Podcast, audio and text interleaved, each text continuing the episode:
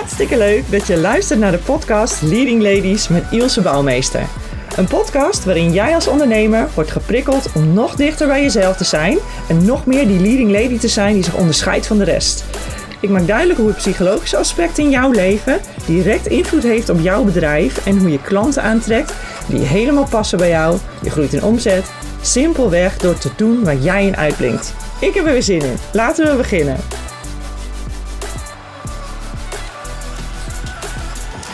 Hoi, welkom bij een nieuwe podcastaflevering bij The Leading Ladies met Ilse Bouwmeester.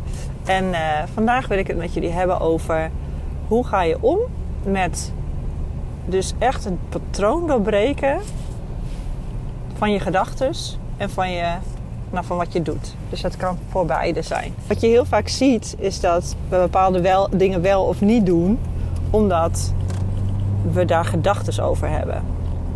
Dus we hebben vaak ergens conclusies over getrokken. En dat vormt dan zeg maar een basis waarop, van waaruit je iets wel of juist niet doet. En uh, wat ik dus heel erg graag doe met uh, de dames die ik begeleid, is achterhalen. Uh, nou ja, allereerst, waar wil je naartoe? Wat is nou eigenlijk het diepste verlangen? Waar wens je eigenlijk te staan? Wat wens je te doen? Wie wens je te zijn? En, uh, en vervolgens te kijken naar en wat zorgt er op dit moment naar voor dat, dat, dat je daar nu niet bent. En dan kom je eigenlijk al vrij snel op belemmerende overtuigingen en belemmerende gedragspatronen. En die wil je natuurlijk doorbreken.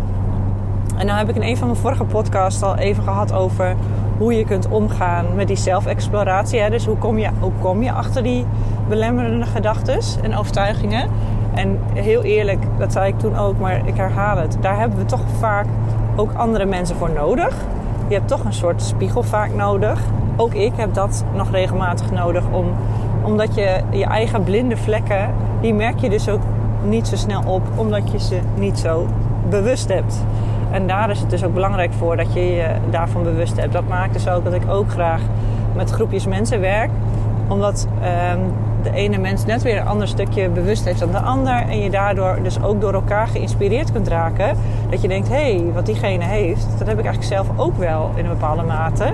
Waardoor je dus ook weer een soort van bewustwording krijgt. En je ja, kunt meeliften op de ontwikkeling ook van de ander. Uh, maar terug naar het onderwerp. Want op het moment dat je daar dus een beetje goed in wordt, dat je jezelf traint in um, het bewust worden van je gedachten, van je patronen, dan kun je op een gegeven moment ook, op het moment dat je daar klaar voor bent, en geloof me, dat voel je wel, op een gegeven moment ben je dat je echt denkt, nou, ben ik eigenlijk helemaal zat van. Ik wil dit niet meer zo of ik wil dit anders. En dat is dan de drijfveer ook om te veranderen. En natuurlijk is het dan belangrijk dat je het bewust bent, want anders weet je niet wanneer je iets anders moet doen. Uh, maar dan komt vervolgens het proces: wat moet ik dan nu anders doen? En daarin is het dus heel belangrijk dat je gaat kijken: oké, um, wat, wat zorgt er nou voor? Welke gedachten teisteren mij nou eigenlijk? Hè? Dus ga letten op die gedachten. En, um, en wat je dus nodig hebt, zeker in uh, patronen, is die zijn natuurlijk ingesleten. Dus wat je hebt zijn eigenlijk neurale paden die heel erg zijn versterkt omdat je die heel veel hebt herhaald. En eigenlijk moet je daar een ander patroon voor in de plaats krijgen. Nou, een, ander patroon aanleren, dat, dat kost gewoon tijd. Dat uh, kost herhaling. En um, in de wetenschap is dat ook bewezen dat het minimaal zes weken duurt. Hè? Zes weken minimaal, hè? even voor de helderheid, nog een keer te herhalen. Voordat je een bepaalde gedragsverandering uh, kunt uh, ja, internaliseren, moet ik zeggen. Dus dat je hem eigen hebt gemaakt. En bij de meeste mensen duurt het dus ook langer dan die zes weken. Dus je kunt je voorstellen, herhaling dient de mens, zeggen ze wel eens. Maar dat is zeker hierbij van toepassing. Dus het gaat e-, echt om het herhalen. En zeker de gedachtenpatronen die je bijvoorbeeld al jaren hebt... en die je dan ineens bewust wordt... die zijn niet ineens weg. Om een voorbeeld te nemen, um, en dat maakt gelijk al even helder dat het belangrijk is om de emotie te ontleden die daar aan de grondslag ligt. Als je bijvoorbeeld al heel erg lang uh, angsten hebt, uh, als je kinderen hebt bijvoorbeeld. Als je kinderen hebt, elke moeder kent dit, dat is dat je in één keer een angst ook krijgt waarin je gewoon enorm bang bent ze te verliezen. En daar kun je over dromen en daar kun je in het dagelijks leven continu heel alert in zijn. En ongeluk zit in een klein hoekje, nou noem maar op. Hè. Dus dan kun je verschillende patronen uh, aan het grondslag liggen die, die dus ervoor zorgen dat je daar heel erg veel mee bezig bent. En dus misschien minder kunt genieten van uh, hun, hun ontwikkelproces, het opgroeien. En ook uh, misschien minder in goed in staat bent om ze hun eigen fouten te laten maken. Omdat je ze zelf niet kan verdragen. Excuus. Ik had even een beetje hik. Um, dat je ze zelf niet goed kunt verdragen. En dat je daarmee dus moeite hebt om ze te laten leren. Om ze zelf dingen te laten ontdekken. Nou, en dan kun je dus zien dat aan de grondslag daar een angst aan, uh, aan onder zit. Dus de angst om ze te verliezen, de angst om ze kwijt te raken. De angst, misschien ook wel een angst dat je geen goede moeder bent. Um, de angst dat ze, zelf, dat ze het zelf niet zien en dat je daar echt uh, uh, voor alert moet zijn. De angst misschien dat andere mensen niet alert zijn en je daarom extra moet opletten. Dus dat kan allemaal versterkend werken op, op de angst om ze te verliezen. Dus er zitten ook vaak een aantal haken aan die dat dus versterken. en dat patroon dus nog meer in stand houden. Dus nog meer zorgen voor inbedding van dat patroon. Met als gevolg, wat ga je dan doen? Uh, ja, je wilt dingen proberen te voorkomen. Dus je gaat je kind misschien extra beschermen. Je bent heel erg alert. Je bent dus continu bezig met dat je kind niet valt. Of um, dat het geen vervelende situatie meemaakt. Um, of ja, noem maar op. Als, het, als, het, als je met andere mensen bent, dat je daar ook weer heel erg alert op bent. En hoe mensen jouw kind bejegenen. Ik noem maar wat. Hè. Dus er, zitten, er kunnen allerlei patronen aan vasthangen die jou gewoon heel erg veel energie kosten. Maar um, waar je wel heel graag vanaf wil. En ik noem nu eentje van het moederschap, omdat heel veel uh, vrouwen die moeder zijn zich hierin herkennen. Maar dat kan natuurlijk ook iets zijn op je werk. Hè. Op het moment dat je heel erg angstig bent uh, om afgewezen te worden, dan ga je heel erg in de prestatie dan ga je ook allemaal patronen daarin uh, ontwikkelen om maar te zorgen dat je goed genoeg bent, dat je die afwijzing niet ervaart. Dus dat je uh, alles heel goed voorbereidt, maar, of dat je daarin een soort van controle wilt houden. Dus er zijn verschillende mogelijkheden die, die voortkomen. En wat je dus heel erg veel ziet, is dat heel veel van dit soort elementen ook herleidbaar zijn tot angst. En we hebben natuurlijk de vier basisemoties: angst, boosheid, verdriet en blijdschap. Dus heel vaak is het ook weer terug te herleiden naar een van die vier. Maar ja, in de basis zien we, in de praktijk zie ik gewoon dat heel veel gebaseerd is op angst. Dus ook als je bijvoorbeeld vroeger iemand hebt verloren, is dat die, in, ja, die intense rouw en verdriet heeft, kan er dan toe leiden dat, je, dat jij angstig bent geworden voor verlies. En dat zorgt er dan weer voor dat je uh, misschien minder snel gaat binden. Of, uh, nou ja, of daarin ook weer heel erg gaat, uh, controle gaat toevoegen aan de opvoeding van je kinderen. Ik noem maar wat. Maar hè, dus je ziet heel vaak dat we een, iets meemaken in ons leven. En dat we daardoor een soort van um, angst ontwikkelen, zeg maar. Die latent eronder zit. Waardoor je patronen van gedrag gaat ontwikkelen om, om te voorkomen dat dat gebeurt. Nou, lange inleiding, maar uiteindelijk wil je er dus naartoe dat je eigenlijk de omgekeerde kant op gaat. Hè? Dus dat je, wat is de tegenpol van angst? Ja, dat is vertrouwen. Dus dat je in plaats van heel angstig bent, dat je vertrouwen kunt hebben. Vertrouwen in jezelf, vertrouwen in het leven, vertrouwen van anderen, vertrouwen van je kind. Nou ja, dus allerlei factoren die je kunt opnoemen. En natuurlijk ga je niet met een heel jong kind uh, van één jaar die boven aan de trap zetten. En dan denk je, nou, ik moet vertrouwen hebben. Dus uh, hij loopt dan naar beneden. Ja. Weet je, er zijn dingen die je natuurlijk niet doet. Dat begrijp ik goed. Dus ik probeer natuurlijk een beetje te generaliseren op dit vlak.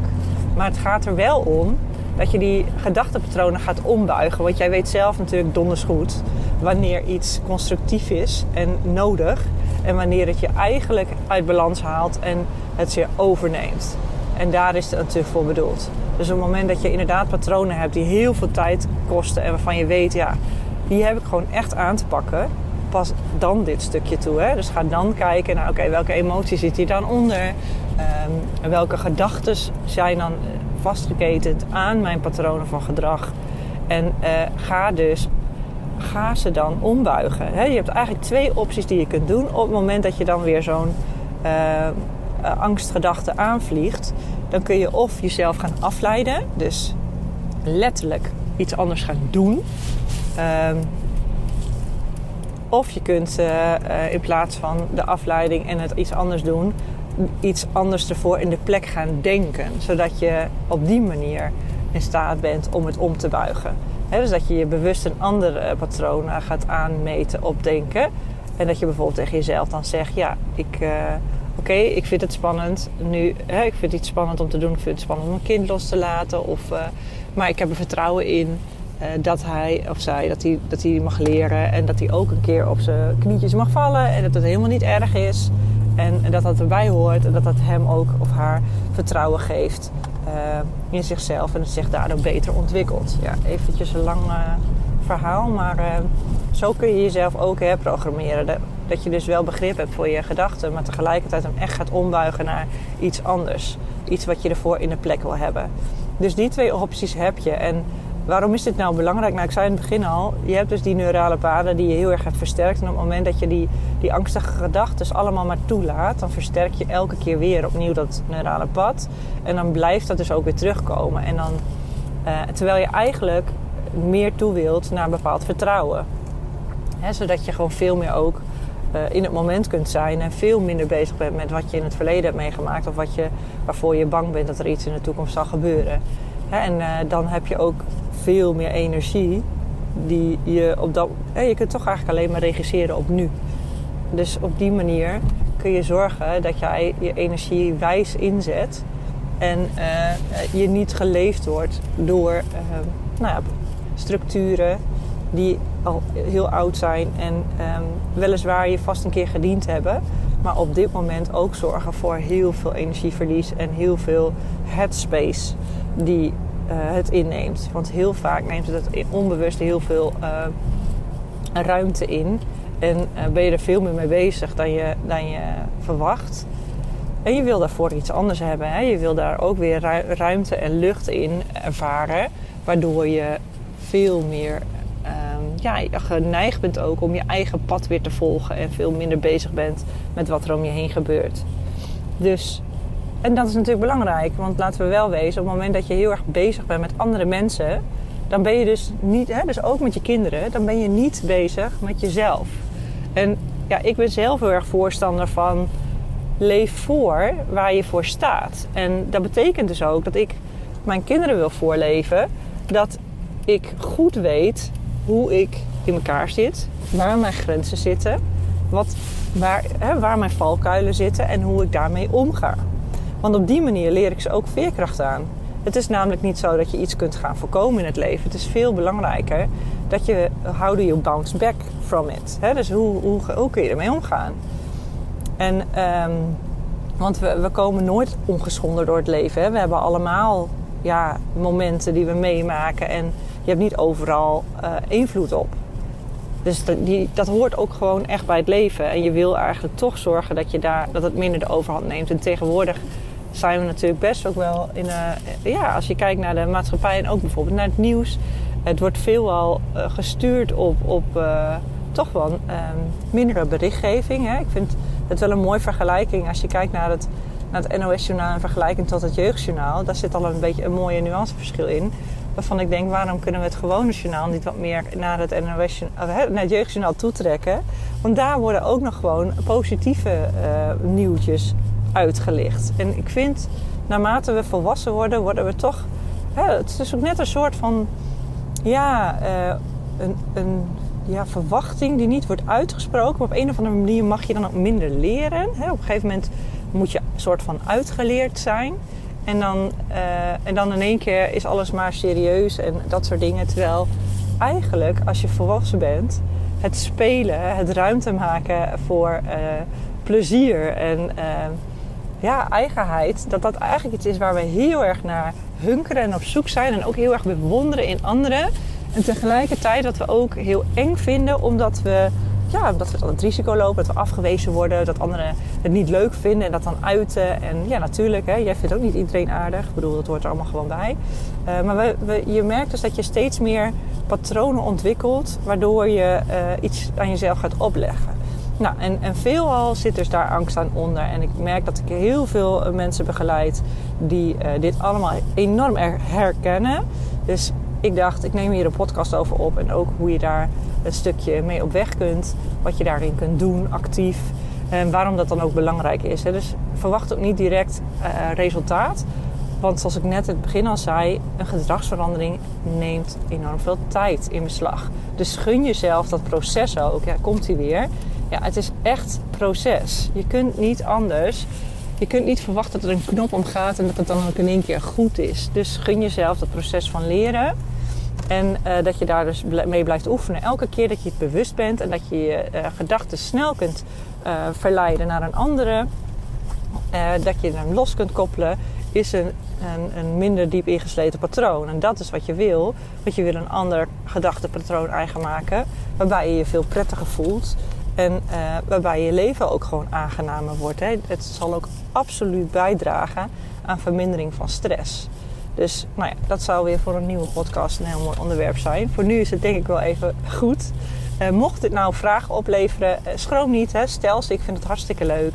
Ook als je nog ideeën hebt, oh, vertel daar nog eens wat meer over. Laat het alsjeblieft weten. Dat kan gewoon in Spotify. Daar kun je feedback aan geven. Maar je kunt ook even linken op LinkedIn. Vind ik ook hartstikke leuk. Um, dank je voor het luisteren. En dan spreek ik je graag in de volgende podcast.